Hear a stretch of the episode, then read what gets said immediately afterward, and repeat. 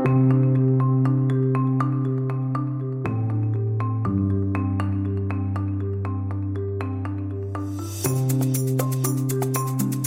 en welkom bij Buiten de Krijtlijnen. Mijn naam is Rinke van Hoek en dit is uw podcast over onderwijs.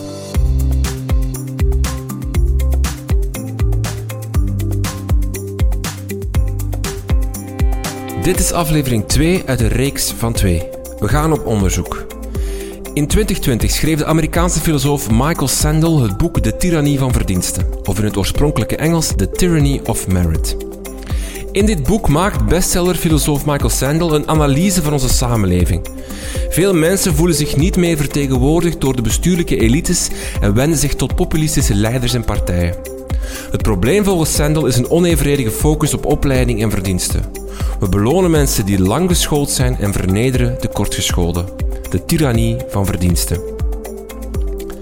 Het boek werd een bestseller en in vele artikels over onderwijs wordt het duchtig gequote. In aflevering 1 van deze reeks legden we de problemen die Sandel beschrijft voor aan socioloog Mieke van Houten. Die aflevering kan je nog steeds beluisteren in je favoriete podcast-app. In deze aflevering gaan we een stapje verder en gaan we op zoek naar oplossingen. Dat doen we aan de hand van een panel van experts. U hoort Jessie Jongers, socioloog aan de Universiteit Gent en de Vrije Universiteit Brussel. Sophie van Onkelen, beleidsmedewerker onderwijs bij Interfederaal Gelijke Kansencentrum Unia. En Simon Mensaert, oprichter van Soda Plus. Simon was ook al eens eerder te gast in onze podcast om over zijn visie te vertellen. Die aflevering vind je ook terug in de show notes van deze podcast. Tussen de debatten door hoor je enkele leerlingen die school liepen in het TSO en BSO vertellen over hun ervaringen. De Tyrannie van Verdiensten, aflevering 2.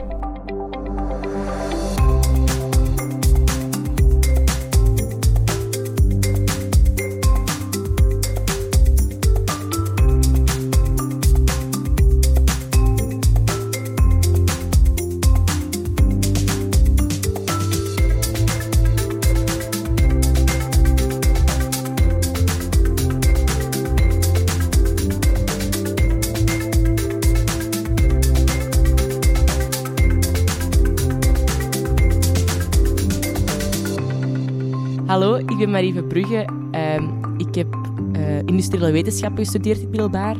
En nu doe ik uh, bio-ingenieurswetenschappen aan de UA in Antwerpen. Uh, ik ben naar de lagere school gegaan in KD in Aardslaar. Dan ben ik vervolgens naar Sint-Jozef gegaan in Kontweg. Daar heb ik moderne gedaan, twee jaar. En vervolgens wetenschappen wiskunde, een jaar. Maar dat sprak me niet meer zo aan. En dan ben ik TSO gaan doen in Boom, de PTS, ben ik daar industriële wetenschappen nog drie jaar gaan verder studeren en dan afgestudeerd. En nu doe ik dan bio-ingenieurswetenschappen. Dus uh, bij mij, ja, ik denk dat ik meer al zo een standaard kindje was. Ik had ook wel slechte dingen. Ik had misschien ook betere dingen. En bij mij was het gewoon van, ja, iedereen ging moderne doen, ASO. Dus automatisch stapt je mee in die trein van, oh, ik ga ook ASO doen. En je waaier is ook niet breder, dus je hebt ook totaal geen weet van wat eigenlijk nog van richtingen allemaal aanwezig is. Dus ja, ik ben eigenlijk wel zo'n standaard kind dat ASO is gaan doen. Ja, ik heb wat, bij mij was het altijd wel het ding van... Ze steunen me eigenlijk wel in alles wat ik ging doen en zo. Maar ja, van, van, mede, allez, van vroeger naar de lagere school kreeg je wel zo... Iedereen ASO, dus je volgt dat wel op die manier. Maar uh, het is ook gewoon vaak het ding van je moet een diploma hebben, want zonder diploma zit er niks niet meer. Je moet dat halen, want eh, hoger, hoe beter.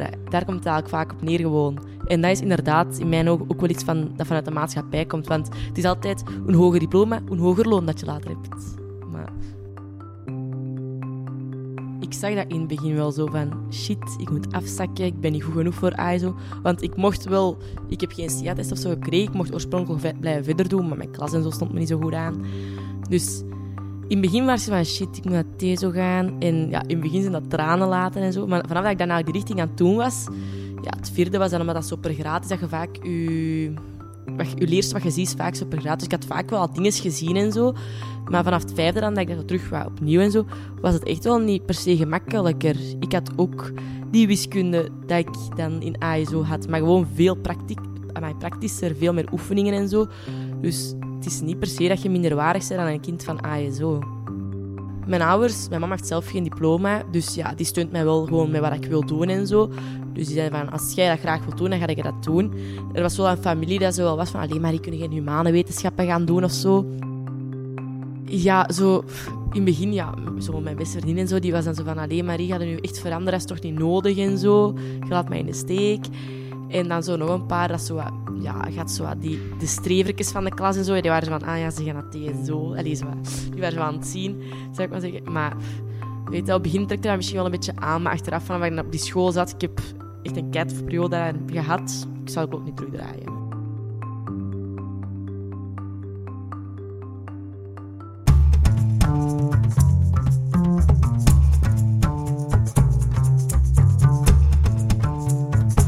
Goeiedag, ik eh, ben Jessie Schongers. Ik ben uh, sociologe en als sociologe verbonden aan de Vrije Universiteit van Brussel en de Universiteit van Gent, waar ik vooral onderzoek verricht naar jongeren, cultuur en onderwijs. Um, en daarnaast ben ik ook co-voorzitter van de stichting PNV, waar wij uh, extra inzetten eigenlijk op het overbruggen van de kloof tussen jongeren in onze samenleving. Ben Sophie van Onkelen. Ik werk als beleidsmedewerker onder andere rond onderwijs bij UNIA, het Interfederaal Centrum voor Gelijke Kansen en de Bestrijding van Racisme en Discriminatie.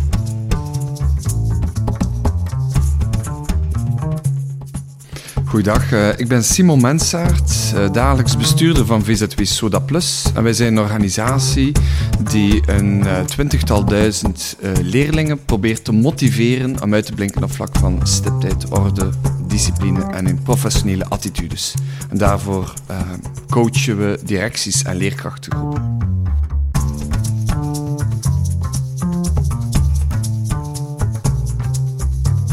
Eigenlijk zou ik, want, want we hebben het over laag en hoog opgeleid. Jammer genoeg, eigenlijk klopt dat niet. Is dat niet een term die door de meritocratische elite is verzonnen? Ik was nog maar daarnet aan het kijken naar de VDAB-cijfers. En uh, bij de vacatures, het aantal uh, vacatures die gedaald of gestegen is. En ik zag ook daar dat nog altijd de termen laag, middelopgeleid en hoogopgeleid wordt gebruikt. Nu, dat, ik, kan mij inbeelden dat dat toch een... Allee, dat, dat daar het, het, probleem ook zit. Want, want we blijven spreken over laag... We delen ook nog altijd op in laag en hoogopgeleid, maar is het eigenlijk niet praktisch opgeleid en theoretisch opgeleid?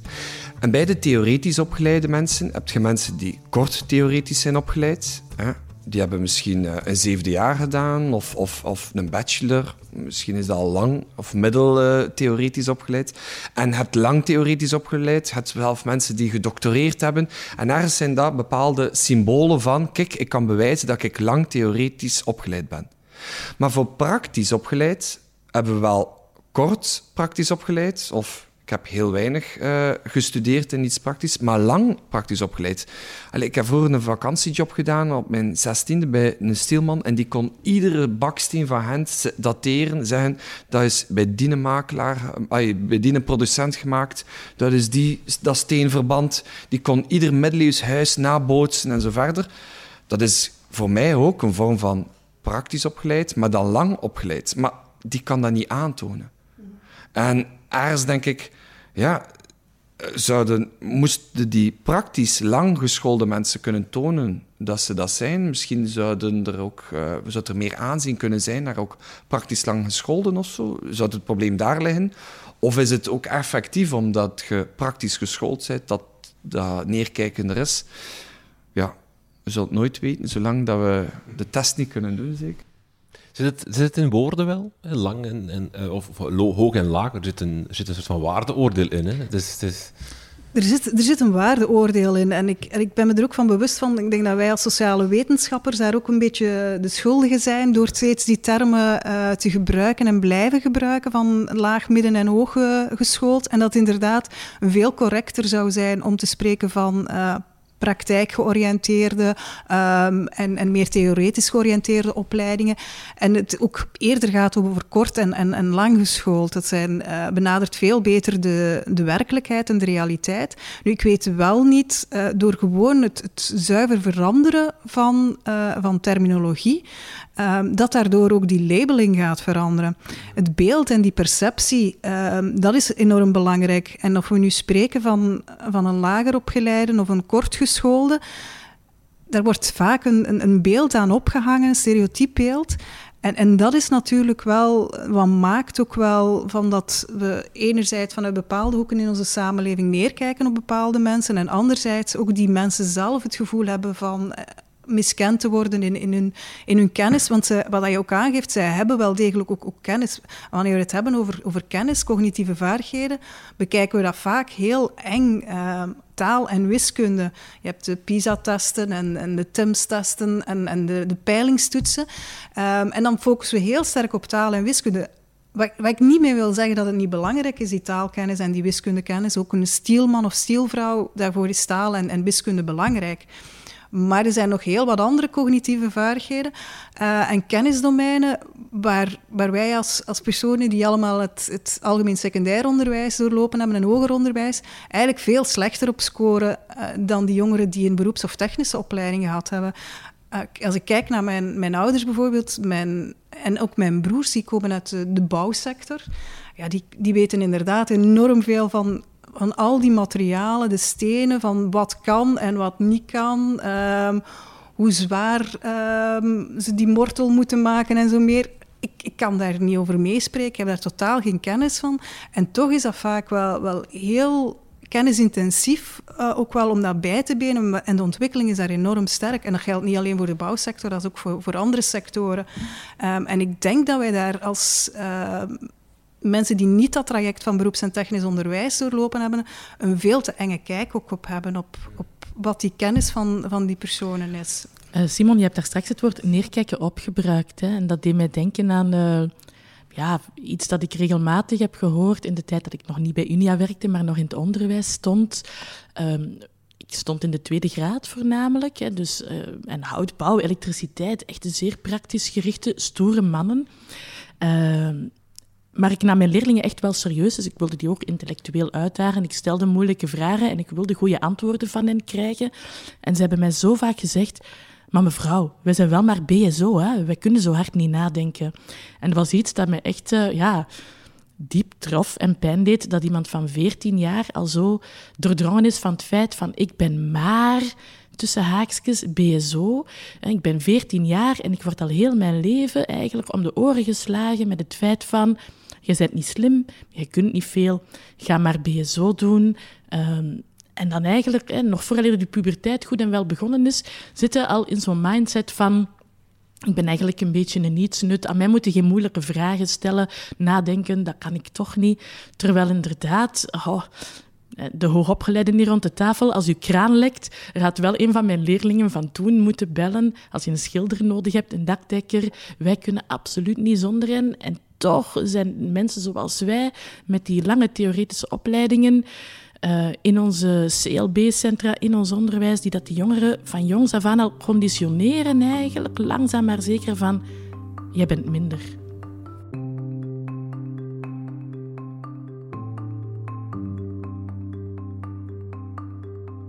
Hallo, ik ben Tina. Um, ik ben afgestudeerd in de richting gezondheids- en welzijnswetenschappen. En momenteel stu studeer ik pedagogie van het jonge kind in uh, Brussel. Um, dus eerste en tweede middelbaar heb ik in Frenes-school gezeten. Uh, ja. dan ben ik in derde en vierde middelbaar heb ik economie gedaan. En dan vijfde en zesde heb ik gezondheids- en welzijnswetenschappen gedaan.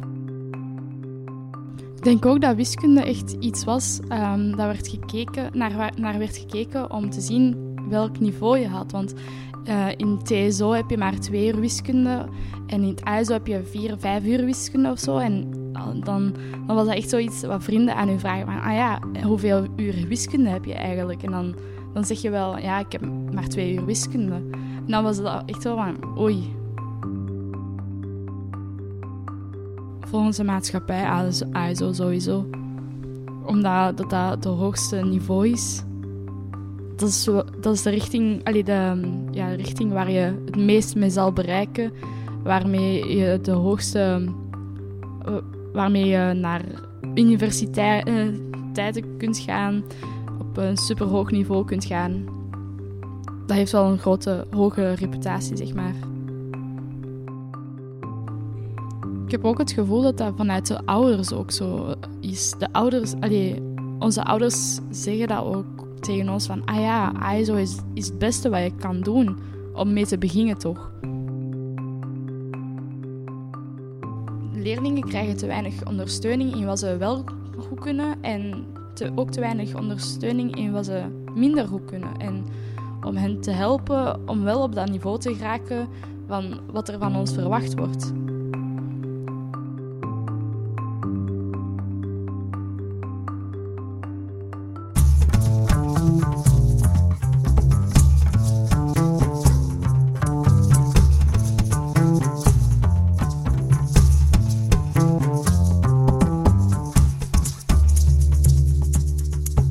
Waardering van talent die we doen in onze maatschappij. We gaan straks zeker nog even verder inzoomen op dat onderwijs, maar eigenlijk al in onze maatschappij is er een verschillende waardering van talent. Hè. Uh, het voorbeeld dat uh, Mieke van Houten gaf in onze vorige podcast is voetballer versus judoka. Als je goed kan voetballen verdien je miljoenen. Als je goed judo kan, dan verdien je geen miljoenen.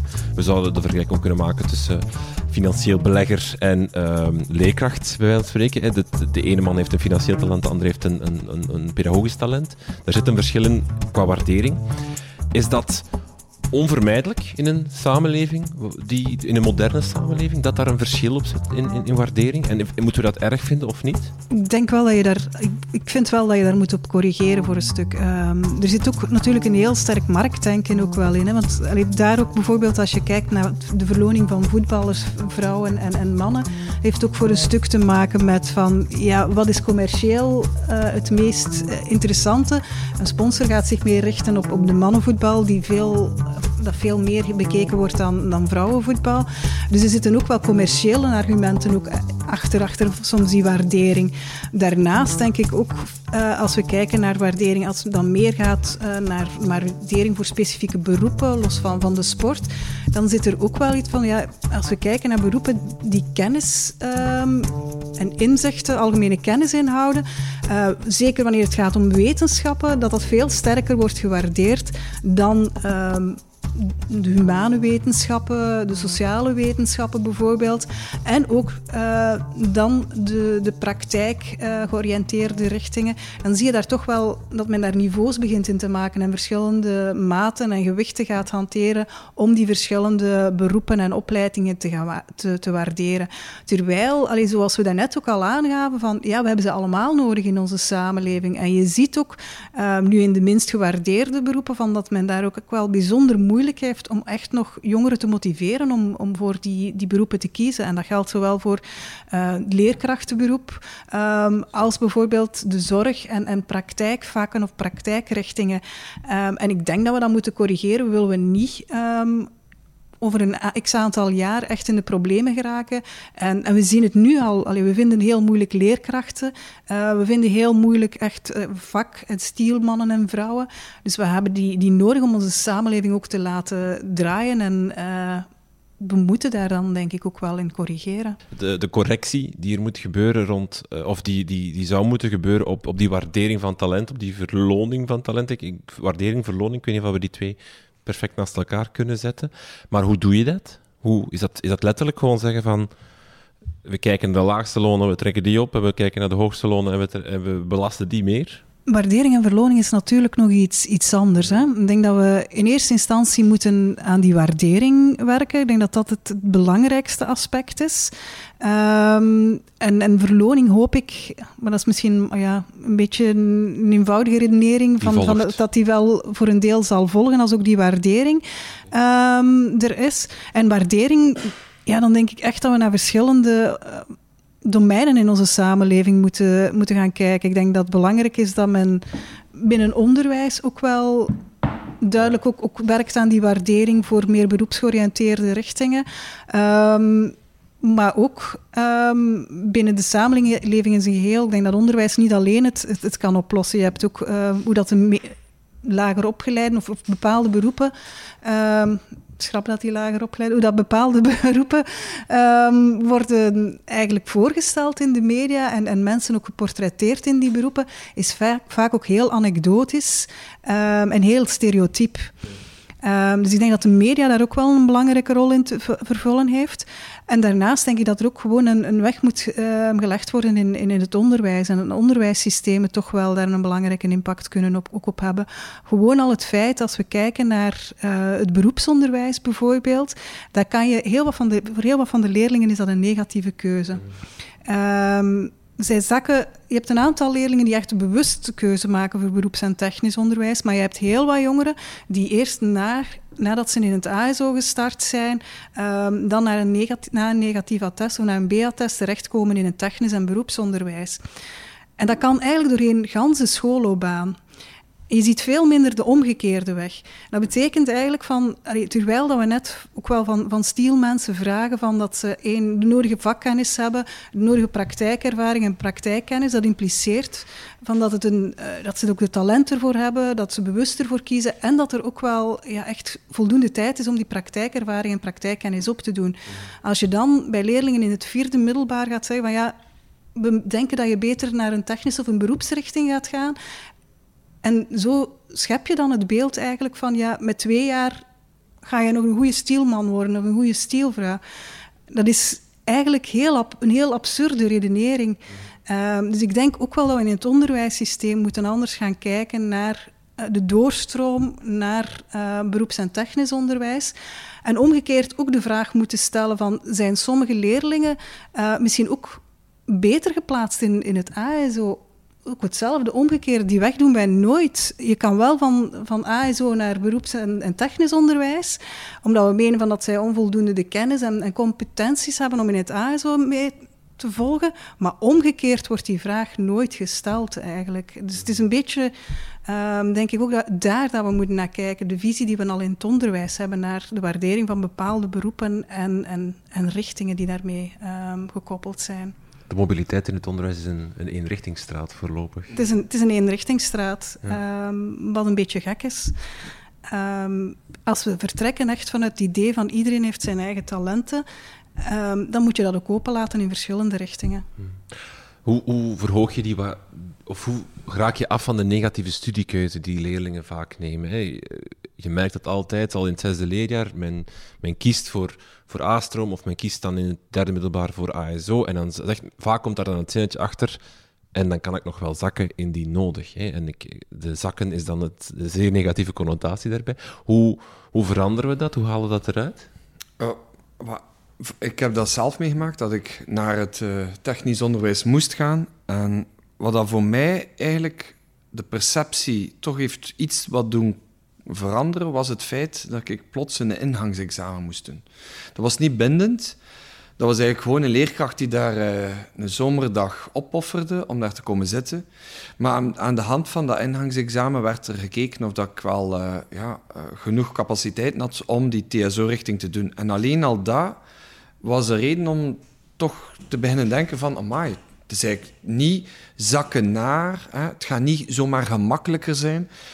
Het zal echt wel een richting zijn waar ik toch mijn best zal voor moeten doen. Ik zou het heel interessant en boeiend vinden mocht er iemand dat een keer onderzoeken van in welke mate moesten we een keer random allemaal studierichtingen uh, waar, waar dat er leerlingen willen instromen van een andere richting, die laten onderwerpen aan een ingangsexamen en kijken wat dat, dat uh, het effect is met, uh, op, de, op de perceptie van die studierichting. Of wat dat de perceptie is die dan bij die leerlingen leeft. Omdat toen dat ik naar die TSO-richting moest gaan, dan zat ik ook echt met het idee van, ja, ik ga minder mijn best moeten doen. Het gaat wel leuker zijn, ik ga meer kunnen feesten of zo. Maar um, ja, ik, ik, al mijn vrienden gaan dokter, professor en wat dan ook kunnen worden. En bij mij, ik ga hopelijk in een fabriek mogen gaan werken. En dat was echt zo, dat was een kottekes. Ik wist eigenlijk niet hoe dat de wereld werkte. En omdat je zo jong bent en je weet het niet, gaat je maar uit van op, uh, gaat je, vertrekt je maar vanuit een idee dat er al heerst bij je uh, klasgenoten natuurlijk. Als ik terugdenk aan mijn middelbaar, dan herinner ik mij vooral echt de angst om af te zakken. Echt letterlijk. Dus ik was heel slecht in wiskunde, dus elk jaar in juni hing dat als een zwaard boven mijn hoofd van als ik er niet door ben voor mijn wiskunde, dan gaan ze mij uit de ASO halen en laten afzakken. Wat zou ik moeten gaan doen in TSO of BSO? Want ik ben super onhandig, snit en naad. Of... Dus ik had eigenlijk ook dat idee van, ik ga daar niets, niets mee kunnen doen. En ik had dan echt uh, ja, heel veel schrik dat, uh, dat ik zelf ging moeten afzakken. Um, dat woord dan nog maar eens te, te gebruiken. En toen ik dan later zelf uh, leerkracht werd, had ik het gevoel dat die leerlingen ook al helemaal doordrongen waren van het feit van ik ben afgezakt en voor mij zijn die deuren dicht. Terwijl dat voor mensen die in ASO zitten, uh, blijven alle deuren openstaan. Je kan naar de hogeschool gaan, je kan naar de NIF gaan, je kan inderdaad professor, dokter, advocaat, politieker worden, al die hooggewaardeerde jobs. En wie afgezakt is... Uh, die ziet gewoon één na één al die deuren dichtgaan. En die zijn precies echt uh, heel erg op slot. Want het is eenrichtingsverkeer, wat we net al gezegd hebben. Je kan niet terug naar die hogere richting. Je kan alleen maar naar beneden en die deur die, die slaat echt dicht achter u. En dat is ja, precies of je kan daar niets meer aan doen. Wat ik heel graag deed, was filosoferen met mijn leerlingen. Want hè, filosofie, dat is zo een richting aan de universiteit voor van die bollebozen eh, met dikke brilglazen en zo. Maar filosoferen kan je met iedereen doen, ook met jonge kinderen en ook met leerlingen uit BSO en TSO.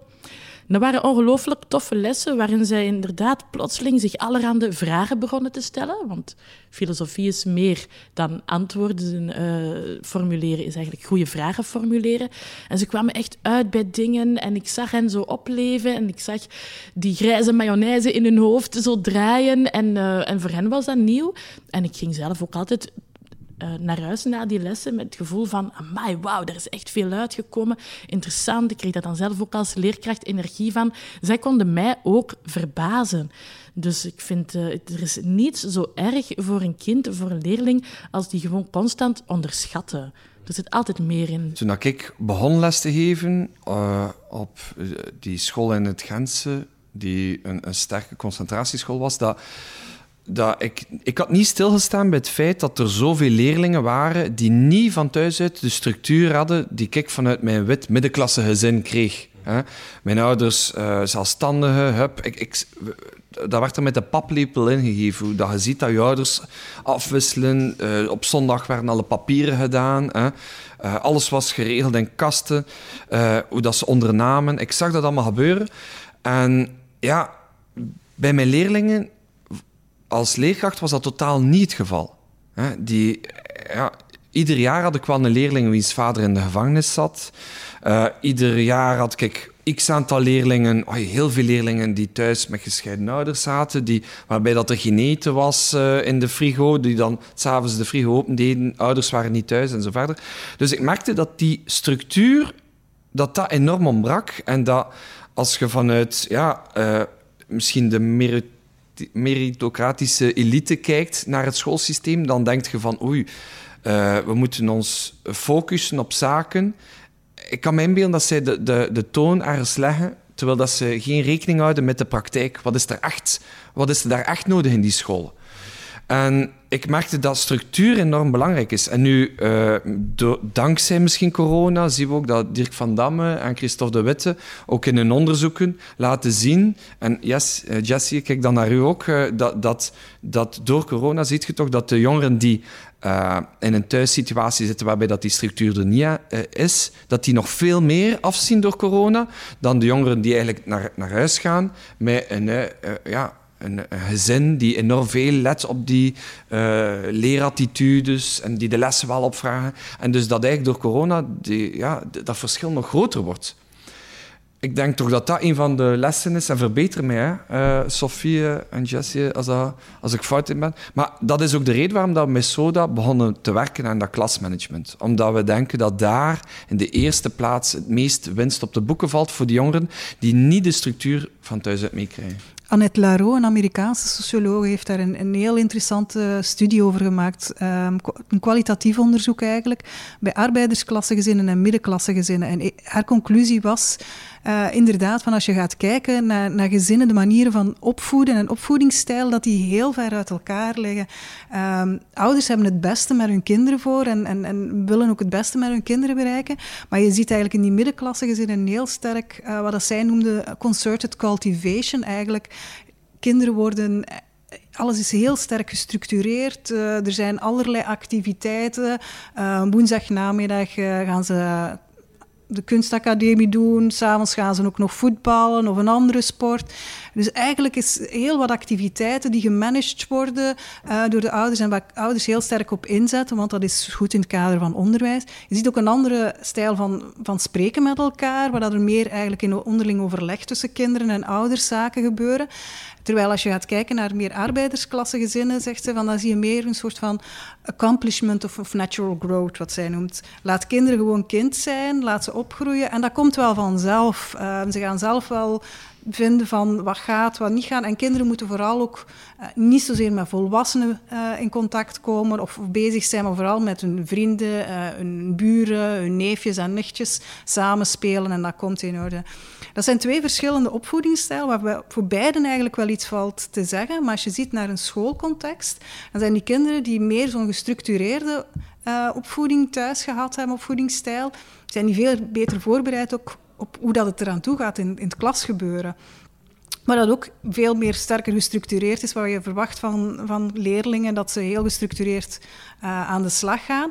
Um, en door ook de manier waarop zij omgaan met, met volwassenen, um, ook veel beter met, met autoriteit kunnen meegaan. Zij gaan leerkrachten aanspreken op een aantal zaken wanneer ze een slecht resultaat hebben en daarmee in overleg gaan.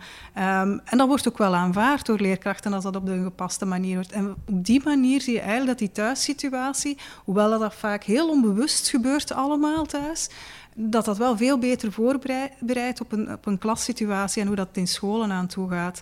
En dat vond ik wel een, een, heel, goeie, een heel interessant onderzoek ook, dat aanduidt van, ja, vaak gaat het om, om niet zo'n grote zaken. Ook gaat ook gewoon om de manier waarop dat je opgroeit en, en hoe dat socialisatie thuis gebeurt. Wat maakt ook al dat die stap naar onderwijs veel kleiner is voor bepaalde leerlingen de meeste leerkrachten, het leerkrachtenkorps, is nogal homogeen. Het zijn veelal mensen met echt nog steeds een uh, pure Vlaamse achtergrond, dus geen migratieachtergrond.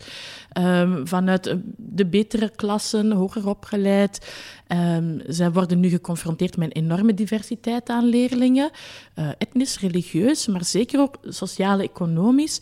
En... Um, leerkrachten hebben daar weinig feeling mee. Dus ik denk dat een van de oplossingen ook ligt in uh, meer diversiteit voor de klas. Een veel groter uh, verschil in welke soorten leerkrachten zetten we allemaal voor de klas. Zodanig dat er iets meer feeling is. En met corona zijn we gewoon beginnen afstandsonderwijs te geven vanuit de, van, uh, met het uitgangspunt van elke leerling heeft thuis een laptop, heeft een rustige ruimte, daar zijn geen luidruchtige broertjes of zusjes, daar is verwarming, daar is een stabiele internetconnectie en op die manier gaan wij gewoon les blijven geven in afstandsonderwijs en dan bleek dat plotseling niet te werken. Dan gingen we allemaal gratis laptops krijgen en zo, dat bleek dan niet zo gemakkelijk te zijn, maar dan, dan plotseling zagen we van oei, Um, als je een keer een kijkje neemt bij de leerlingen thuis, hoe het daar is, dan zie je de enorme kansenongelijkheid bij leerlingen daar al. En die, die is op school heel vaak niet zichtbaar. Tenzij dat je een keer in de brooddoosjes gaat kijken of in de agenda die weer niet in orde is. En dan denk ik dat een, een stuk van moeilijkheden die leerkrachten ondervinden bij klasmanagement en zo, is um, dat, dat er gewoon vaak een soort schoolcultuur ontbreekt. En, en basis. Um, basisbenodigdheden, zoals verwarming thuis en eten in de brooddoos, dat je gewoon nodig hebt om je te kunnen concentreren op je huiswerk en goed mee te werken in de klas. Dus eh, al die zaken, dat zijn echt maatschappelijke uitdagingen die dat ook niet alleen bij de leerkrachten liggen.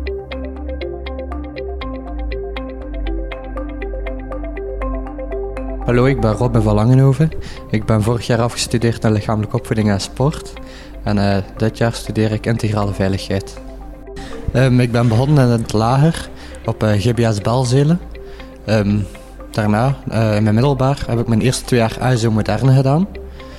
Um, daarna twee jaar technische wetenschappen in, op Sint Franciscus in Everhem.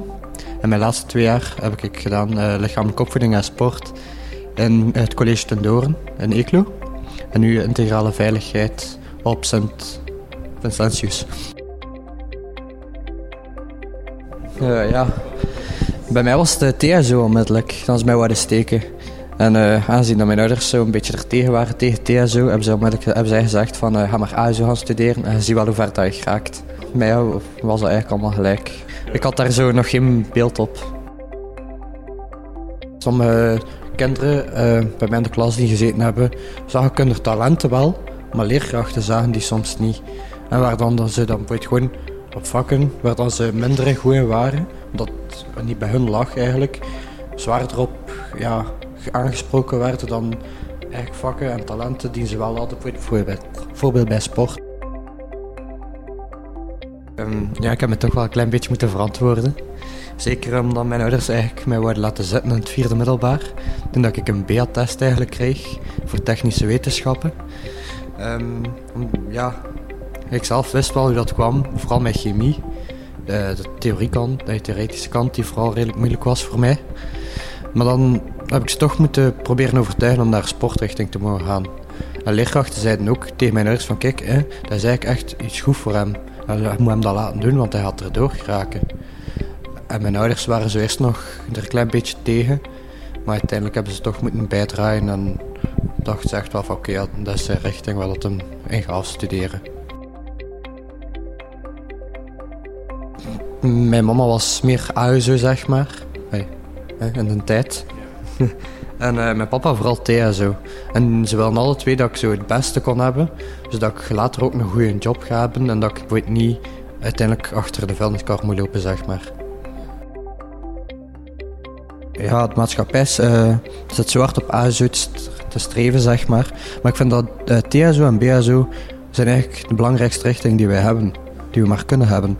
Het zijn wel die mensen die ons huizen bouwen, die eigenlijk alles doen. En niet die mensen die ASO gewoon op een bureautje zeg maar, zitten.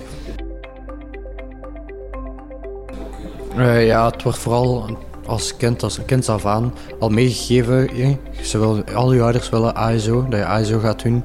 Ze willen allemaal het hoogste. Maar eenmaal dat je echt in het middelbaar komt en ook vrienden maakt in het uh, ja, BSO en TSO, zeg maar. Ik zei, ook al zit je in het ASO, dan verbreed je eigenlijk zeg maar, je horizon. En dan leer je ook wel uh, zien van, oké, dat is eigenlijk ook nog wel moeilijk om te doen. Want ik zou sommige dingen totaal niet kunnen die andere kinderen die wel in BSO of een eh, andere richting van TSO gedaan hebben, dat zou ik allemaal niet kunnen. Dus ik vind het eigenlijk wel straf.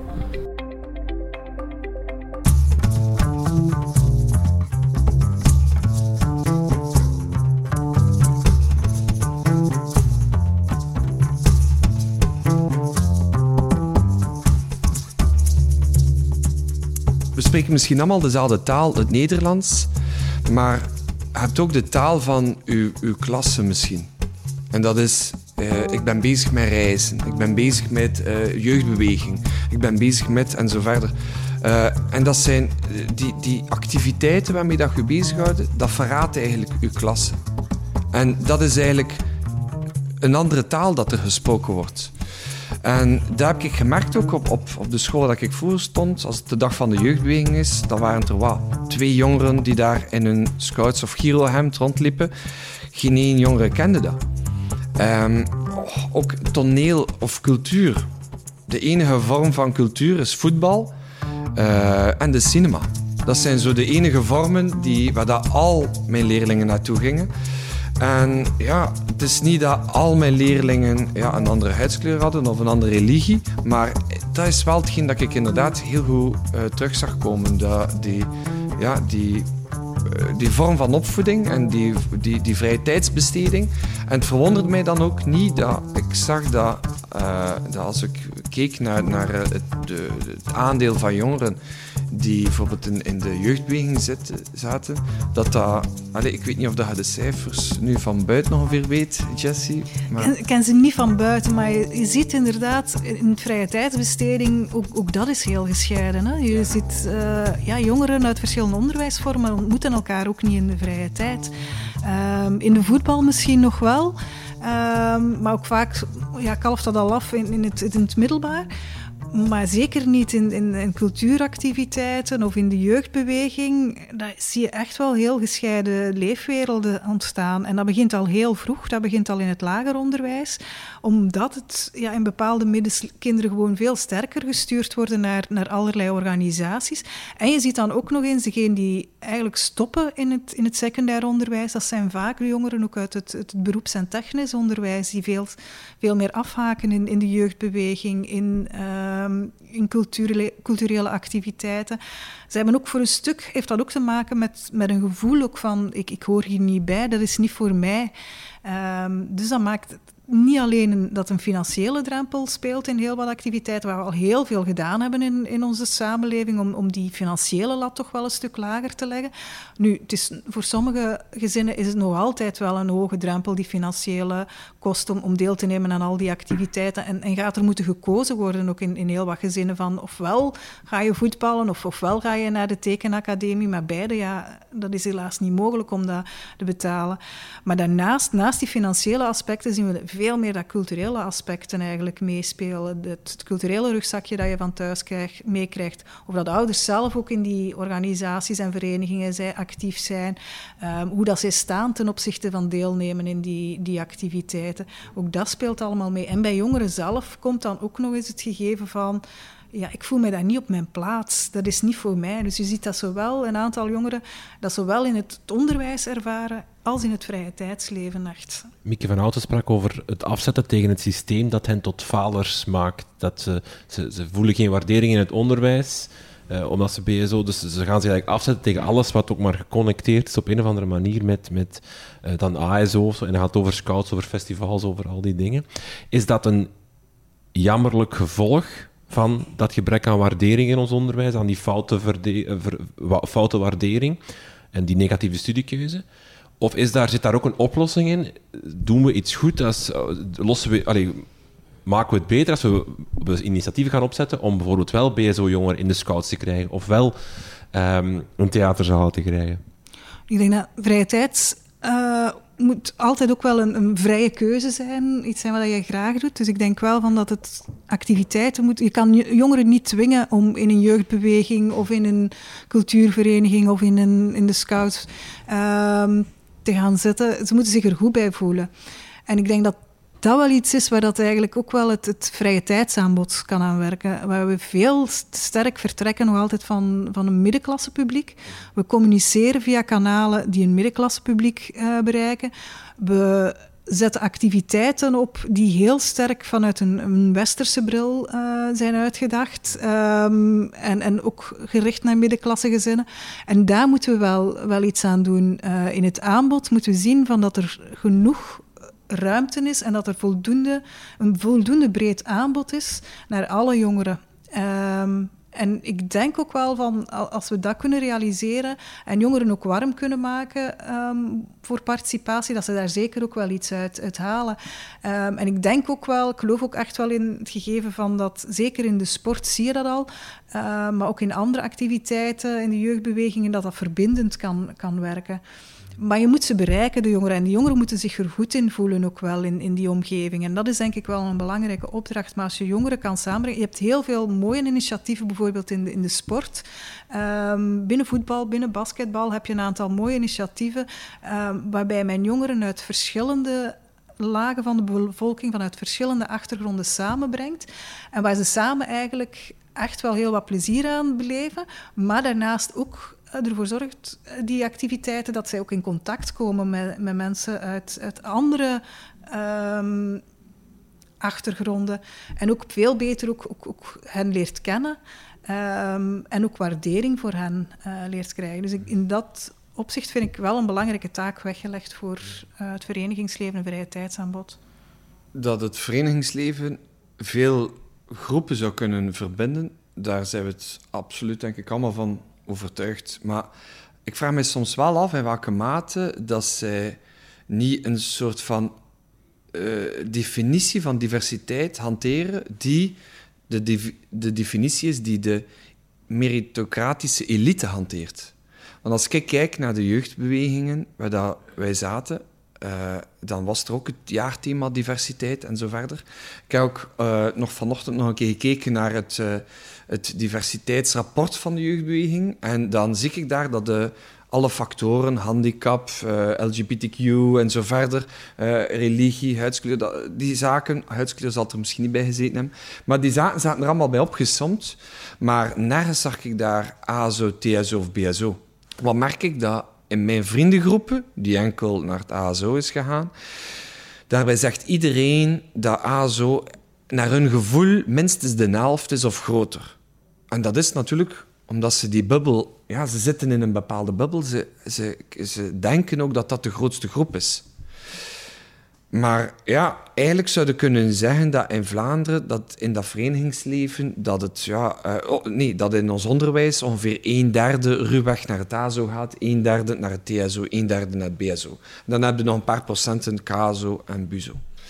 Nu, een paar jaar geleden, vijf jaar geleden, dachten wij met het SODA-project van kijk, we gaan de jongeren die um, het zeer goed doen, erkennen en motiveren, maar niet door de leerkrachten, maar door de werkgevers. Omdat je voor een jongeren die naar het BSO gaat, die is heel sterk, ja, heeft dat gevoel, dat, dat, dat net ook werd beschreven door jullie, uh, van ja, ik zit hier nu maar in, uh, in iets dat gemakkelijk is.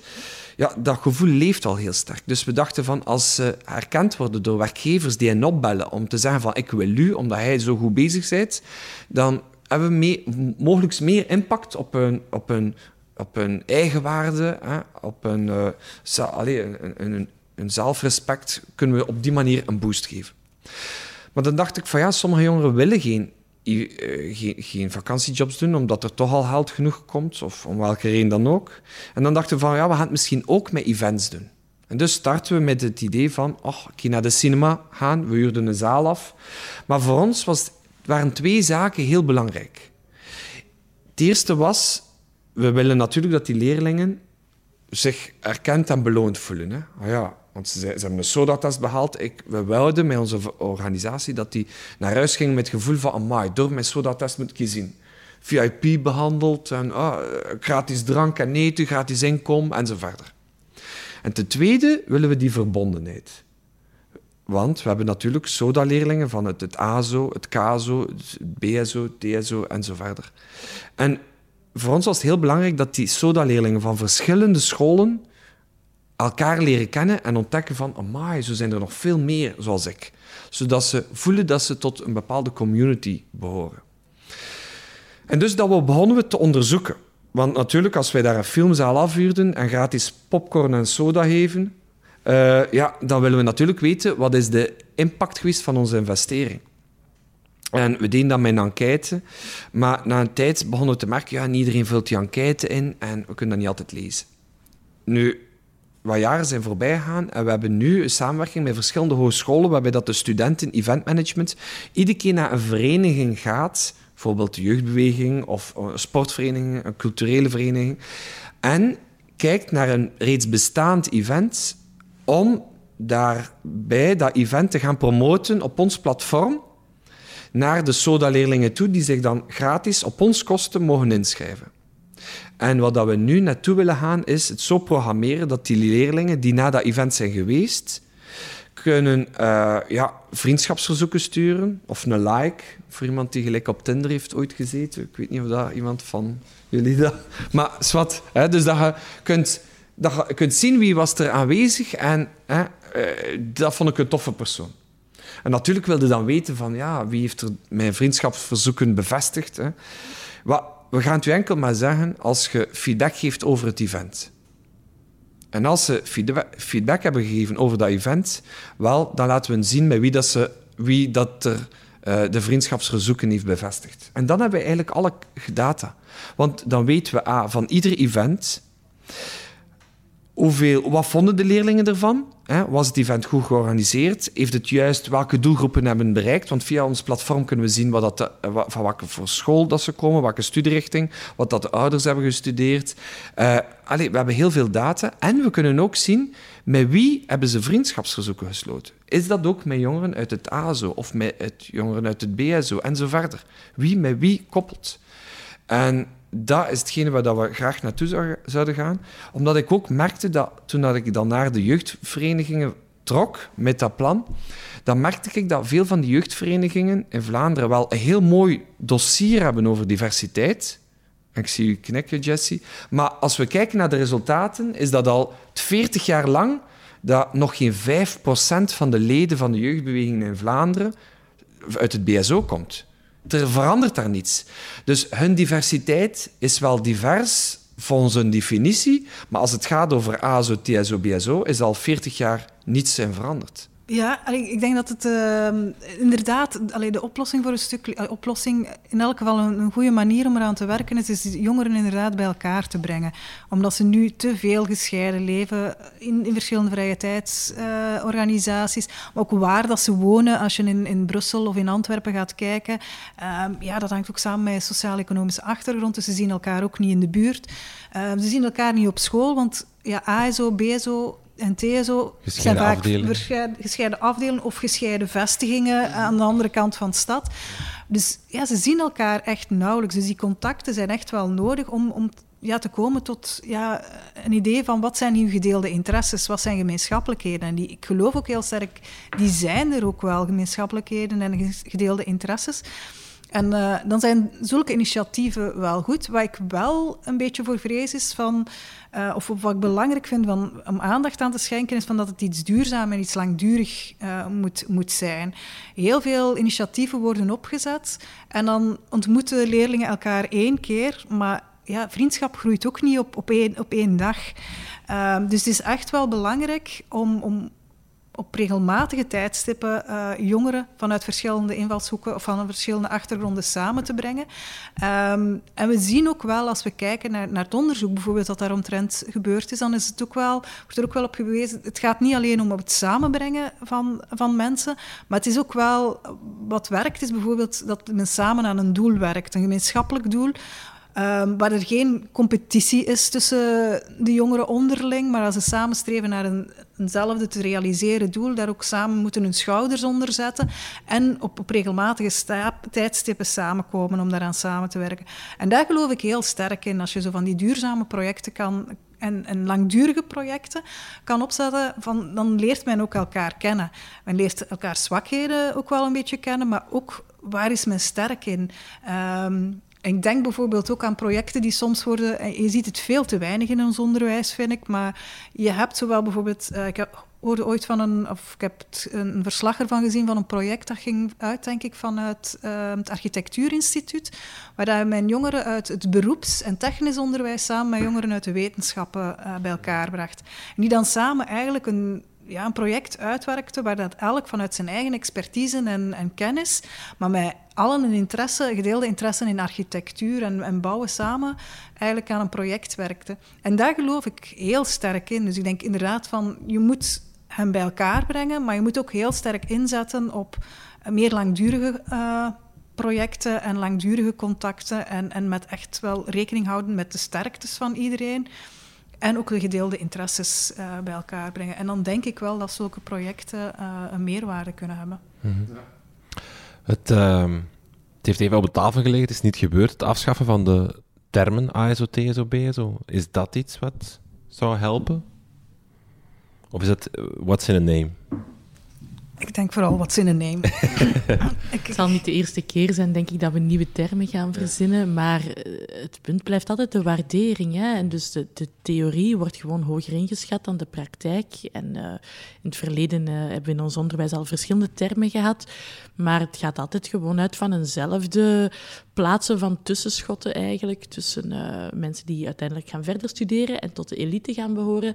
Of mensen die met hun handen gaan werken en die uh, intellectueel minder capaciteiten dan zouden hebben. Of, uh, dus het gaat, het gaat een beetje altijd, ondanks de namen, de labels die men erop plakt, altijd over dezelfde soorten onderscheid. En ik, bij algemeen onderwijs en beroepsonderwijs, dat was eigenlijk een van de achterliggende gedachten om die namen te veranderen. Maar eigenlijk is er daarmee niets veranderd. Uh, toch niet voor die leerlingen in het algemeen of in beroepsonderwijs.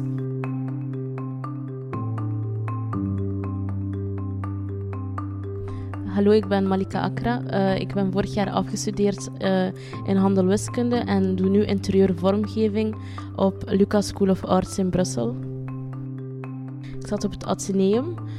Ik ben begonnen in moderne wetenschappen. Dan in het derde middelbaar heb ik een jaartje wetenschappen wiskunde gedaan. Dat was ietsje te moeilijk en ik had het eigenlijk meer gedaan voor vrienden. Dus dat was sowieso al niet de juiste keuze. Dan ben ik veranderd naar economie talen. Daar uh, in het vijfde jaar had ik dan een CA-test en dan ben ik naar handel wiskunde gegaan. En heb ik dat twee jaartjes gedaan. En dan nu ben ik uh, interieurvormgeving aan het doen in Brussel. Uh, bij mij hadden ze TSO aangeraden en ik wou graag STW doen, omdat zeg maar, al mijn vriendinnen dat deden. Maar dan zeiden mijn ouders van, uh, nee, je gaat beginnen met ASO moderne. Dus je begint met hoogste en dan kan je eventueel nog zakken, omdat om hen te motiveren zei ik altijd, ja, maar mijn vrienden gaan daar. Dus dat was al van, nee, dan ga je het zeker niet mogen. Dus ik heb toch uh, ASO geprobeerd. Ik heb het vijf jaar volgehouden. Uh, ik had het gevoel wel, omdat ik denk ik, dat iedereen dat zo zag. Zeg maar, ook familie van, ja, het is gezakt. Of uh, het was te moeilijk. Terwijl, nadat ik TSO heb gedaan, vond ik dat... Allee, het was allebei moeilijk, zal ik maar zeggen. En ik kon ook veel dingen vergelijken met elkaar, want sommige boeken waren gewoon exact hetzelfde. Ehm, ik had ook een cursus van wiskunde en ik weet nog, ik wist niet dat ik het luidop had gezegd, maar ik zei, amai, dat lijkt echt op de cursus van mijn vorige school. En uh, keek naar mij en ik zei, ja, ik kom van nemen. En ze zei, ah ja, meneer Huik, ja, we maken onze cursussen samen. Dus ik kon het wel vergelijken dat het wel allee, een beetje hetzelfde was. Maar in het oog van de mensen zien ze altijd, zeg maar, TSO als lager, maar nadat ik er daar heb gezeten, vind ik het niet. Denk eerder op familiebezoeken. Dat als ik bijvoorbeeld zeg van, als we voor school beginnen, dat ik zeg van ja, ik ga niet te lang blijven, want ik moet nog leren of zo. Maar je doet maar TSO. En dan denk ik van ja, maar ik moet ook studeren hoor. Dat ze direct denken van ja, mijn kind is beter, want mijn kind doet ASO. En je doet ook goed, hè, maar toch een beetje minder. En ja, maar van mijn ouders zeg maar niet zoveel. Ze vonden dat wel oké. Maar zeg maar, mijn vader... Allee, mijn vader is van Syrische afkomst. Binnen de uh, Arabische cultuur is het wel zo van... Mijn kind wordt dokter of advocaat. Dus mijn broer gaat dokter worden, denkt mijn vader, nog steeds. Maar die doet iets met computers. Maar dat maakt niet uit, heeft ASO gedaan, hij gaat dokter worden. Dat is zo van... Je hebt maar twee opties. En verder dan dat denken ze ook niet. Bijvoorbeeld... Um, mijn vader vond het wel een beetje moeilijk dat ik zei ik wil interieurvormgeving doen. Want dat is iets creatief en hij ziet daarvan van ja, daar ga je geen werk in vinden. En oké, het is moeilijk om werk mee te vinden, maar als je iets wilt, dan gaat dat wel lukken.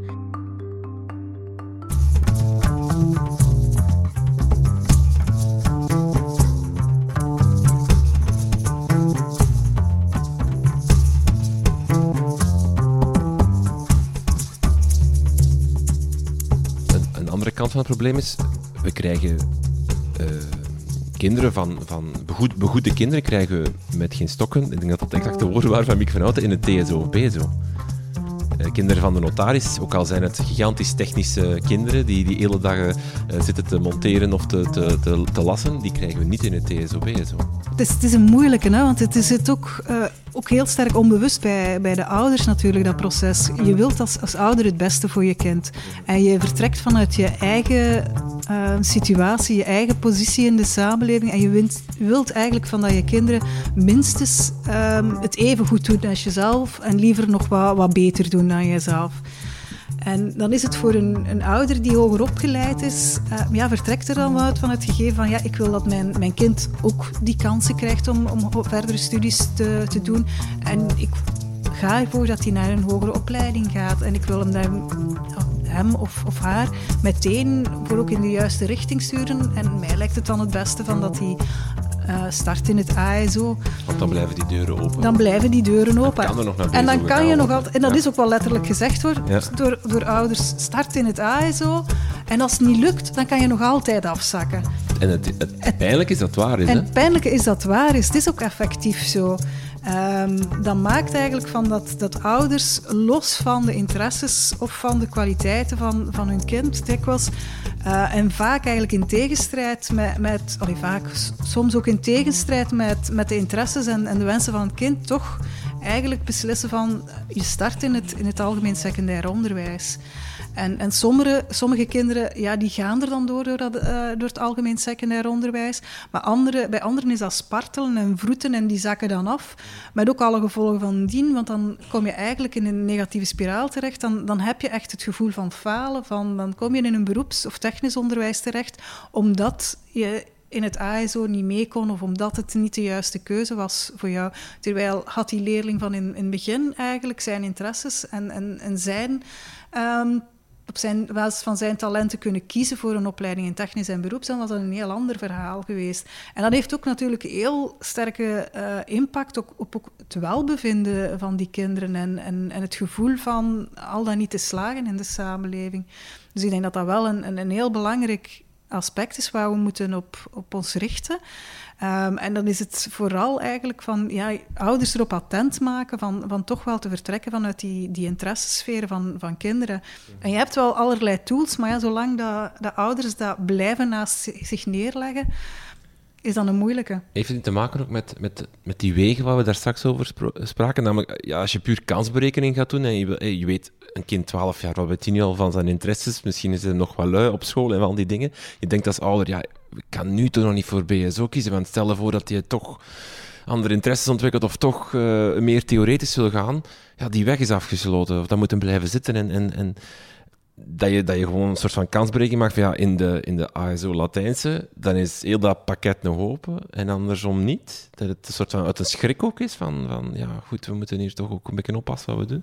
Ja, dat speelt zeker mee. En ook het feit natuurlijk dat we uh, in ons onderwijssysteem heel vroeg selecteren. Uh, de keuzes moeten heel sterk, allee, ja. heel vroeg gemaakt worden in de opleiding. Zou dat helpen ook om die waardering te verhogen en om de latere selectie? We doen het op ja, 12, zullen we zeggen. Uh, sommigen zullen 14 argumenteren, maar goed, we zullen. Wel, ik denk wel dat dat uh, een impact kan hebben op zowel de waardering als ook op, op uh, ja, de juiste keuze van, van leerlingen en, en het gevoel dat ze daarbij hebben. Als je wat, die keuze wat, wat uitstelt en, en kinderen echt wel breder laat uh, proeven van de mogelijkheden. Op 12-jarige leeftijd, als je dan aan een kind vraagt wat wil je later worden, we hebben het ook gevraagd in, in, ons, in ons joponderzoek, ja, dan zit daar nog heel sterk, ik wil voetbalballer worden, um, ik wil actrice worden, of um, een beroep wat dat... Ja, brandweer zit er ook nog in, een politieagent op dat moment. Dus ze hebben eigenlijk nog weinig idee van wat dat de mogelijkheden zijn op, op dat moment en welke beroepen er allemaal maar zijn. Um, en ook wat de opleidingen inhoudt. Dus ik denk wel, als je die, die selectie wat kan uitstellen en toch wel meer de mogelijkheden biedt om die verschillende uh, pakketten um, van, van opleidingen um, te ervaren, dat dat toch wel tot een betere en, en meer positieve keuze kan, kan leiden bij, bij jongeren. De Unia heeft in 2018 een diversiteitsbarometer uitgebracht over onderwijs. Het was een samenwerkingsverband tussen Unia en verschillende onderzoeksinstellingen. En een van de zaken die we onderzocht hebben is een klassenraad die op het einde van het schooljaar moet delibereren. En de leerkrachten van de klassenraad krijgen een aantal profielen voorgeschoteld. Dus de onderzoekers hadden een aantal valse, zeg maar, uh, profielen aangemaakt van leerlingen. Je had bijvoorbeeld uh, een jongen met een Vlaamse naam. Uh, zijn ouders zijn tandarts en hij had een aantal goede punten en een aantal buizen. Dan had je een meisje met een Arabisch klinkende naam, waarvan geweten was dat de ouders werkloos waren, of een eenoudergezin misschien. Dus een aantal um, achtergrondaspecten van een leerling zijn leven werden uitgelicht. Uh, en dus dat meisje en die jongen die hadden identiek hetzelfde rapport. Dezelfde buizen, dezelfde goede punten. En dan moest de klasraad gaan delibereren. Gaan we leerling X en leerling Y nu een A-test, een B-test of een C-test geven? En wat zien we? Um, heel duidelijk in die onderzoeksresultaten dat inderdaad die leerling van gegoede komaf met een Vlaamse naam met geen stokken, zoals je zegt, in het TSO of BSO te krijgen is, dat men kost wat kost gaat proberen om die te houden in een zo hoog mogelijk, dan opnieuw zo hoog mogelijke richting, en liefst dan in het ASO, terwijl dat men voor leerlingen met een uh, zwakkere sociaal-economische achtergrond of voor leerlingen uh, met een etnisch-culturele minderheidsachtergrond al veel sneller gaat kiezen om dan toch een attest te geven, zodat kinderen kunnen afzwakken. Dus je ziet daarin dat eigenlijk de bestaande ongelijkheid die die kinderen al meeslepen van thuis, opnieuw bevestigd worden, niet door hun punten, want die zijn exact hetzelfde, maar door de onbewuste stereotypen van de leerkrachten. En daarmee wil ik absoluut niks fout zeggen over die leerkrachten, want dat zijn onbewuste stereotypen die bij iedereen in de samenleving leven. Maar daar, op die moment, aan het einde van het schooljaar, worden fundamentele keuzes gemaakt die de levens van leerlingen toch wel zwaar impacteren. En telkens opnieuw zien we dat daarin bestaande vooroordelen, bestaande ongelijkheden altijd opnieuw uh, bevestigd worden.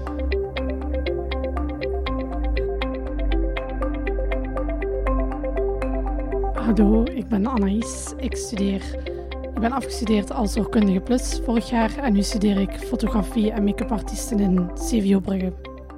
Um, ik ben begonnen in de lagere school Klim in Gent. Daar ben ik blijven dubbelen in het eerste leerjaar. Dan ben ik naar Rudolf Steiner school geweest in de Kastelaan, ook in Gent. Heb ik daar ook twee jaar gezeten en dan ben ik naar het buitengewoon onderwijs geweest. Ivio Salvator in Oostakker. Daar heb ik dan mijn lagere school afgewerkt en dan ben ik naar Ledenberg geweest, Benedictusport. En daar heb ik zeven jaar zorgkundige plus gestudeerd. En nu zit ik op CVO Brugge voor fotografie en uh, make-up artiesten. Ik heb nooit in thuis gezeten. Mocht niet, kon niet. Ook door leerproblemen. Jammer genoeg. Ik heb dat heel jammer. Ik vind dat al mijn hele leven heel jammer. Omdat mijn zussen allebei um, ASO hebben gedaan. En mijn familie bestaat uit bijna allemaal burgerlijke ingenieurs. En ik ben dan degene die uit buitengewoon onderwijs komt. Ook onder andere door dyscalculie en zo. En dat is iets wat dat tot de dag van vandaag nog altijd mij dwars zit. Ik vind dat dat te zien is van school tot school. Gelijk als je een kunstig talent hebt. Gelijk, dat is nu raar om te zeggen over mezelf, maar ik ben wel een kunstig persoon dan wordt dat op een kunstschool wel geapprecieerd. Maar als je dan op een ASO-school of zo zit, is dat totaal van, ah, totaal niet, je hoort hier niet thuis. Dan moet je meer wiskundig talent hebben. Dus ik vind niet dat alle talenten op alle scholen thuis horen, maar ook niet worden gewaardeerd. Ik, ik, heb, ik heb meer talent voor kleuren te herkennen, voor kleren in elkaar te steken, voor te tekenen en te schilderen. In de zorg wordt dat wel een beetje geapprecieerd, maar dat zou meer geapprecieerd worden in um, kunstonderwijs. En dan heb je bijvoorbeeld mijn zus. Zij is super getalenteerd met wiskunde, maar echt abnormaal. Dat kind, ik snap dat niet.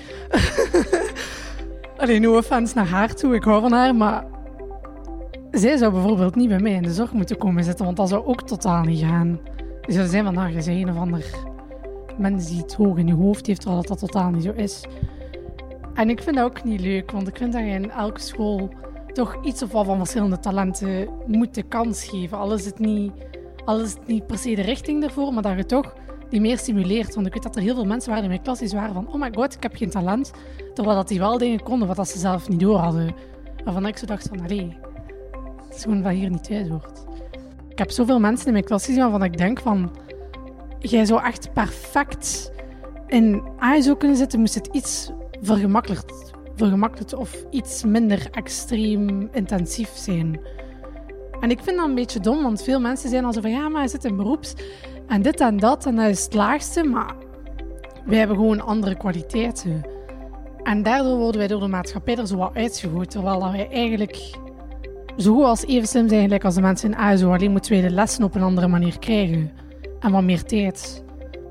Ik denk dat dat er zeer hard wordt ingedrumd vanaf dat je klein bent. En dat dat wordt doorgetrokken tot wanneer je oud wordt, tot een, ouder wordt. En dat je dan pas beseft dat dat door de maatschappij is als je zelf ouder wordt en meegaat met die richtingen. Eigenlijk dat we hier nu ook allemaal zeggen, wij denken dat ASO wordt opgelegd door de maatschappij, wat ik denk dat ook echt zo is. Allee, eigenlijk ben ik dat 100% zeker. Dus ik denk dat dat ergens ook de stigma is die we zo wat moeten wegkrijgen uit de maatschappij. Om dat minderwaardigheidscomplex bij heel veel mensen weg te krijgen. Of toch te verminderen. Want van iedereen die ik ken die al is de zaakjes gezakt of is verlaagd, dat hij dat allemaal, dat iedereen zich zo voelt. Dus ik denk dat we daar op een manier gaan moeten vinden om te zorgen dat mensen zich wat meer gelijkwaardig voelen.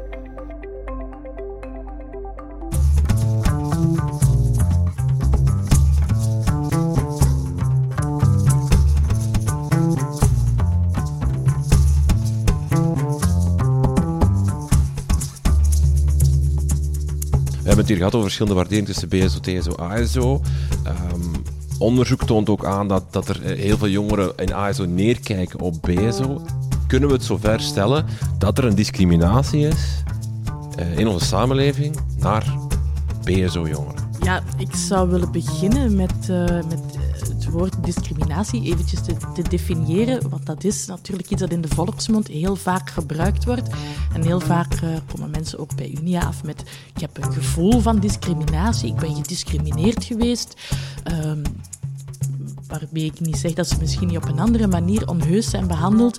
Maar gediscrimineerd worden, dat betekent wel iets juridisch. En dus je kan eigenlijk alleen uh, gediscrimineerd worden op basis van persoonskenmerken, kenmerken van uw zijn, die daar in de wet beschreven worden. Uh, in Vlaanderen zijn dat er 19, ik ga ze niet allemaal opnoemen, maar de meeste zijn voor de hand liggend. Hè. Uw huidskleur, religie, uw seksuele geaardheid, of je een handicap hebt, ja of nee. En ook iets wat vandaag al veel aan bod is gekomen, uw um, sociale afkomst. Dat is ook iets dat in de wet gedefinieerd staat, maar dat zijn natuurlijk wel vloevere criteria. Maar dus daarop kan je uh, anders behandeld worden dan iemand. Als je daarop anders behandeld wordt dan iemand anders en dat heeft een nadelig gevolg voor u, dan zouden we kunnen spreken over discriminatie. Maar een ambetant gevoel dat je meemaakt op eender welk moment in de samenleving is daarvoor niet noodzakelijk discriminatie. Dus ik vind uw vraag heel moeilijk van oké, okay, een ASO-leerling die neerkijkt op, leerlingen die in het BSO zitten, is dat discriminatie? Dan moet ik van mijn achtergrond eigenlijk zeggen nee, nee, dat kunnen we op die manier niet benoemen. Laat ons dat woord discriminatie reserveren zoals het een beetje in strikt juridische zin gebruikt wordt. En laat ons daar een beter woord voor zoeken. Dat, uh...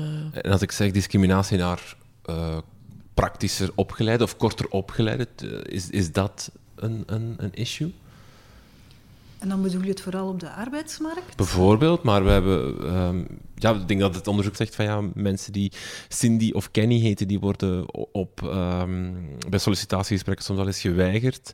Uh, het, het, fenomeen uh, camping kitsch bijvoorbeeld, uh, dat, dat op zich viseert dat een bepaalde bevolkingsgroep die vaak in die korter opgeleide richtingen zit of, of, of meer um, handenarbeid doet qua jobs en dergelijke. Mogen we dat niet een vorm van discriminatie noemen? Een vorm van, van daar toch op een bepaalde manier mee lachen en we vinden dat normaal? Ik, ik, ik, ik, zou het ook niet zo meteen misschien discriminatie noemen, maar ik denk wel het, het onheus behandelen en vooroordelen, die leven heel sterk in, in, in onze samenleving. En ten opzichte van uh, de vooroordelen die leven bij hogeropgeleiden of bij langgeschoolden, dan wel, um, of, of ASO-leerlingen ten opzichte van leerlingen uit beroeps- en technisch onderwijs of ten opzichte van kortgeschoolden. Um, ja, vaak komt dat ook niet zo... Ja, het zijn mensen die het ook vaak houden in, in, in, eigen kringen. Maar het is inderdaad, er wordt vaak wel neergekeken op, op mensen die niet hoger opgeleid zijn, uh, die niet het diploma behaald hebben. En heel stereotyp en met heel wat vooroordelen en, en negatieve uitlatingen. Wat vaak niet zo sterk naar boven komt als, als andere vormen van uh, vooroordelen. Het is vaak meer verborgen. Um, of minder zichtbaar naar ja, de, de, brede samenleving toe. Als je kijkt naar hoe dat er bijvoorbeeld over Black Lives Matter of de, de, de vooroordelen die er over etniciteit of, over, of, of, of, discriminatie rond gender gesproken is de voorbije jaren, dat is terecht natuurlijk zeer veel aandacht naar gegaan. Uh, geprobeerd om daar, daar awareness en, en, en die, die kloof te dichten, zal ik maar zeggen.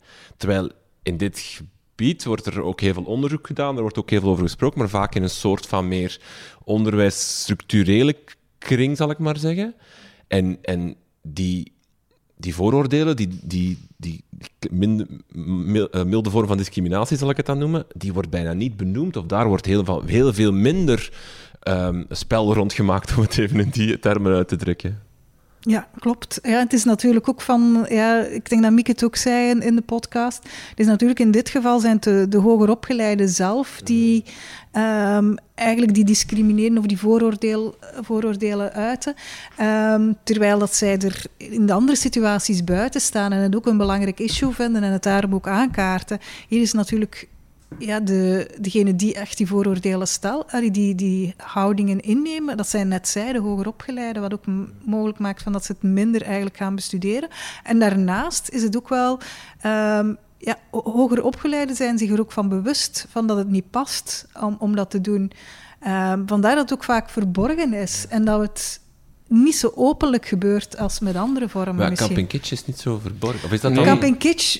Of maar Johnny dat- en Marina? Maar, en ook, ik herinner mij nog bij de vorige verkiezingen, de Zwarte Zondag, eh, zo werd dat toch genoemd, dan hoeveel dat ik op, op Facebook eh, ja, niet uitlatingen zag, waarvan dat ik echt dacht van, amai. Allee, hoeveel van die zaken dat ik niet gepost zag, ook als ik merk dat in sommige groepen, vriendengroepen, waarbij dat er zonder probleem kan gezegd worden van ja, eh, sommige van de bevolking die zouden niet mogen stemmen. Eh, want die, die zijn niet slim genoeg om eh, te stemmen en zo verder. Eh, ja, het, wordt eigenlijk veel te licht over gaan. En, en het is alsof dat die... Het is gelijk geen probleem om te zeggen, die groep doet niet mee. En dat maakt mij soms ergens bang. Omdat ik denk van, oei, het is gelijk een polarisatie aan, aan verschillende kanten. En ik kan me inbeelden dat dat niet het de verbinding creëert. Want dat hebben we eigenlijk nodig om het op te lossen. Veel meer alle groepen laten communiceren met elkaar. En, en ergens zit ik daar wel wat mee in. Dat er een onevenwicht is aan eh, de aandacht die we schenken. Aan, aan, aan bijvoorbeeld ook, had de Oerwoud 5. En daar was er dan een enorme commotie over. Maar inderdaad, Camping Kitsch kan al vijf of tien jaar zonder probleem. En die zetten daar zelf DJ's op, op het podium die zelf echt ja, tot een bepaalde klasse behoren, die zich moeilijk kunnen verzorgen. En, en, allee, hoe, hoe komt dat dat dat kan?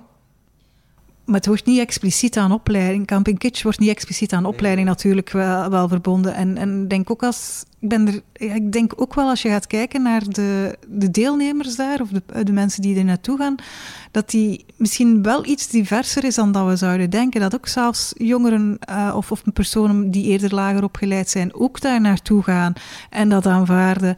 Ehm, die kijk, en het ook misschien niet zo direct ook op associëren met hun levensstijl, omdat het zo kitsch is. Mhm. Dat Het is ook ver- parodie bijna, hè? Het is, staat ook ver van hun leefwereld af. Hè? Maar ja, ik, ik zou wel zeggen, op, op de school dat ik voor stond, waren er geen leerlingen die naar festivals gingen. Nee, dat Het zou klopt. mij enorm verwonderen dat zij dan niet naar festivals gaan, maar wel naar Camping Kitsch, bij wijze van spreken. Als je kijkt naar de, de festivals, als we, we hebben bijvoorbeeld op Pukkelpop hebben wij een, eh, een enquête gedaan op, bij de jongeren die op Pukkelpop zijn. Ehm, en dat zijn voornamelijk toch wel veel meer hoger opgeleide of eh, jongeren uit het ASO. Plus, als je, maar je gaat wel, als je ziet van als je verschuift van het hoofdpodium naar meer naar de dancestaans, zie je wel een, verschuiving naar, naar opleidingsvormen. Alle omdat, tenten moeten doen. omdat je natuurlijk... Ja, we hebben ze allemaal moeten doen. En het, het, het is echt wel opvallend, omdat we... we Ja. noteerden ook wel iets, het waren met tablets daar. En eh, de studenten die de enquêtes afnamen, ja, ook de, de plaats waar dat de mensen zich begaven en welke muziek dat ze gingen zien, werd genoteerd. En dan zie je echt wel van hoe sterk dat dat samenhangt, eh, los van het feit dat voornamelijk toch wel een eerder ehm, op ASO ge- georiënteerd eh, publiek is, ehm, zie je wel dat ehm, wanneer jongeren vanuit het beroepsonderwijs of, of kortgeschoolde jongeren daar zijn, dat ze naar andere muziek gaan, naar andere podia gaan, dan de, de, de hoger geschoolden of de langgeschoolden. Dus je, ziet ook daar eigenlijk die, verschillende stijlen, muziekstijlen, ehm, ja, in, in heel wat verschillende dimensies eigenlijk, dat onze samenleving zo gescheiden is. Eh, Ook de klimaatmars hè, eh, bleek eh, meer dan 75% ASO-leerlingen te bevatten. Ehm, ja, wij merken ook bij onze SODA-scholen die enkel TSO of BSO hebben, dat daar eh, minder probleem is met de jongeren die klimaatspijbelaars zouden zijn.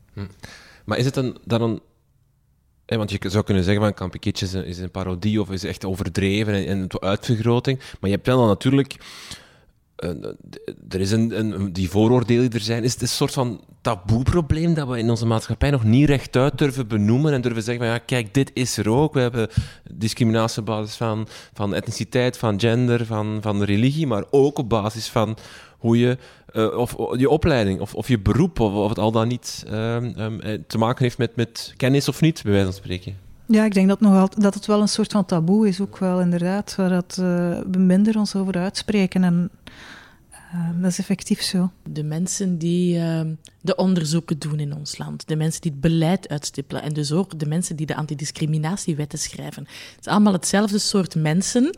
En mensen zoals hier rond de tafel ook. Hè. Um, en dat is voor ons, denk ik, een ongemakkelijke blinde vlek dat ook wij stereotypen hebben, vooroordelen hebben, ondanks al onze fantastische diploma's. En dat we het heel moeilijk vinden om die onder ogen te zien. En dat het voor ons inderdaad gemakkelijk is om te kijken naar oh, dat is een homofoob, dat is een racist. Dat herkennen we. En onze eigen blinde vlekken en onze eigen vooroordelen, dat, ja, dat vinden we nog een beetje moeilijk om onszelf daarmee te confronteren. En dus dan ga je inderdaad uh, naar links swipen als je Kelly of Kenneth tegenkomt op Tinder. Of je gaat naar zo'n parodierend festival of zo'n parodierende fuif. En dat is grappig en dat is om te lachen. En dat is eigenlijk, doen we daar ook niks kwaads mee. En je kan ook niet naar Unia bellen daarvoor. Van, uh, mijn naam is Kenny en ik krijg geen matches op Tinder maar daardoor. Is, is er al zo ooit een klacht gekomen? Dat wil ik eigenlijk wel weten, Sophie. Um, bij mij weten niet, maar nee? ik kan het altijd eens navragen. Ah. Maar dus het zou, ook, het zou ook niet ontvankelijk zijn. Dat betekent niet dat het niet allemaal aanwezig is en dat het... Uh, geen impact heeft op mensen. Uh, en, en los daarvan is gewoon socio-economische klasse, socio-economische afkomst iets dat enorm bepalend is voor alles in uw leven. En, en vanaf onze geboorte en al. En dan welke studierichting we gaan doen, welke vrienden dat we hebben, welke hobby's. Het is echt enorm, enorm bepalend. Ik denk dat dat een van de conclusies is dat ik hier uit dit gesprek ook al uh, mm. trek. Hoe los je dat op? Want bij alle andere vormen van discriminatie is, is representatie altijd een oplossing geweest die aangereikt was, hè, van rond, rond huidskleur of rond... Het gaat over herkenning. Hè, iemand zien met een zwart huidskleur in de politiek of iemand zien als leerkracht met een, een niet-witte huidskleur. Of, of, het is altijd daar rond gegaan. Maar het probleem is, bij dit, uh, op opleiding, heb je... Ja, kan je dat heel moeilijk... Je kan geen dokter hebben uit het BSO, of je kan... Uh, geen, je zit daar met een soort van de glass ceiling kan niet doorbroken, kan veel moeilijker doorbroken worden. Ik weet, niet of ik het goed uitleg, maar het is, het een soort van. Of, of, of, politiek gezien bijvoorbeeld, ja. Moest er nu iemand met een BSO-diploma in de politiek gaan, we zouden daar vragen bij stellen. We zouden denken, ja, die kan toch geen minister worden? Die kan toch niet minister van Financiën worden? Dat gaat toch niet? Zouden we, zouden we denken, maar in het parlement hebben we ze wel. Hè? Dus er zijn wel, er zijn wel verschillende partijen die uh, mensen uit de arbeidersklasse op hun lijsten zetten. En dus in de parlementen zitten mensen die uh, enkele middelbaar diploma hebben, die heel hun leven als arbeider of zelfs als huisvrouw hebben gewerkt. Die zijn er wel en die kunnen dat blijkbaar ook. Maar natuurlijk, net zoals elke andere parlementair, heeft die een ondersteuning nodig. En in een ideale wereld denk ik dat die ook minister zou moeten kunnen worden. Um, omdat je naast een meritocratie heb je ook een technocratie. Hè? Dus elke politicus uh, moet vooral zichzelf en zijn, zijn ideeën kunnen verkopen. En daar rond zitten dan mensen met de technische kennis. Dus ik vind dat dat eigenlijk perfect zou moeten kunnen. Um, maar wij hebben direct daar allerhande, allerhande vooroordelen bij van ah ja, maar die gaat, iemand die BSO heeft gedaan, kan toch geen minister van Financiën worden? Denk ik, waarom niet? Moet dat een boekhouder zijn of kan die zich gewoon goed laten omringen? En zou die misschien iets meer feeling hebben met het feit dat mensen vandaag hun energieprijzen niet kunnen betalen? Ik denk dat het een verrijking zou zijn en dat is diversiteit altijd. Ja, volledig mee eens. En ik denk nu ook aan een onderzoek dat een collega van mij uh, gevoerd heeft rond. Uh, het was een experimenteel design ook, waar dat men. Uh, het ging ook over politieke ambten um, en waar men eigenlijk twee cases voorlegde met eenzelfde persoon, met eenzelfde competentie, eigenlijk ervaring op vlak van politiek vlak, uh, maar met een ander opleidingsniveau. En dan zie je inderdaad dat men het idee heeft, zeker bij de hoger opgeleiden hebben dat idee van, ja, de voorkeur gaat toch naar degene met uh, dat hoger op, die hogere opleiding. Dat is noodzakelijk ongeacht het feit dat eigenlijk die andere persoon even hoge competenties heeft, dezelfde ervaring eigenlijk in de politieke wereld gehad heeft, gaat toch naar die hoger opgeleide de, de voorkeur. En dat is iets dat we er heel moeilijk uit krijgen, maar zoals jij zegt, Sophie, eigenlijk zou het goed zijn van dat, dat ook ja, mensen met een politiek ambt um, niet alleen echt uit, de hoger opgeleide middels komen, maar uit, uit, alle lagen van de bevolking. En dat we ook wel veel beter die tentakels dan hebben van ja, wat leeft in de bevolking, um, wat, welke moeilijkheden ervaren mensen. En ook dat op kabinetten bijvoorbeeld niet alleen um, de experts op vlak van allerlei uh, wetenschappelijke domeinen, maar dat men daar ook oog heeft en ruimte maakt voor ja, verschillende profielen eigenlijk om, om een beleid uit te tekenen. Omdat een, ja, een beleid moet toch ook wel niet alleen voor de, de gemaakt worden, maar men toch wel vaak het, gevoel uh, dat leeft en heerst bij heel wat mensen, maar moet ook eigenlijk alle lagen van de bevolking dienen. Um, en dan denk ik wel dat het belangrijk is van dat toch soms wat te verruimen. En, en in die functies kan dat perfect. Um, en ik denk ook wel dat er nog andere functies, uiteraard niet voor een dokter of, of voor een, een advocaat, ja, je hebt die scholing daarvoor nodig. Maar we zien ook bijvoorbeeld, um, ja, we zeggen echt wonen echt wel een beetje in een diploma-samenleving. En als je gaat kijken naar, naar vacatures, um, er wordt altijd gepraat van het minimumopleiding niveau dat. Maar als je dan ook nog gaat kijken in de praktijk, dan wordt vaak niet eh, de mensen met dat minimum, minimum geacht diploma eigenlijk uh, geselecteerd, maar nog net met een diploma erboven. Dus je zit met vaak ook wel overgekwalificeerde mensen op bepaalde, um, in bepaalde beroepen, in bepaalde jobs.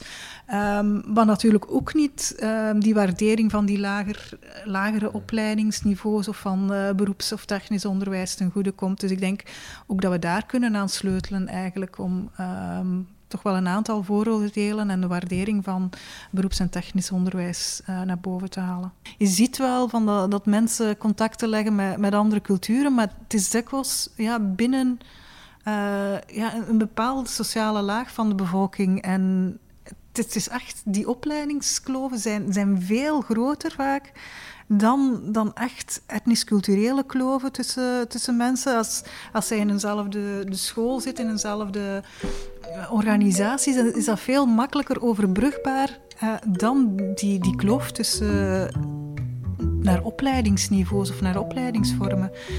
Um, dat blijkt zo bijna een, een kloof die niet gedicht kan worden. Oké. Heel veel dank voor jullie inzichten, oplossingen, uh, ideeën. Uh, Jessie Zongers, Simon Mensaert en Sophie van Onkelen. Heel veel dank.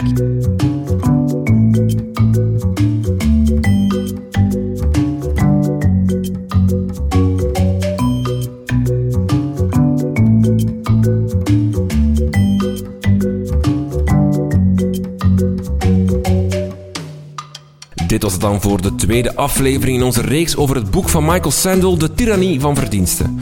Wil jij het boek ook graag lezen? Check dan onze show notes. Daar kan je snel en makkelijk het boek aankopen.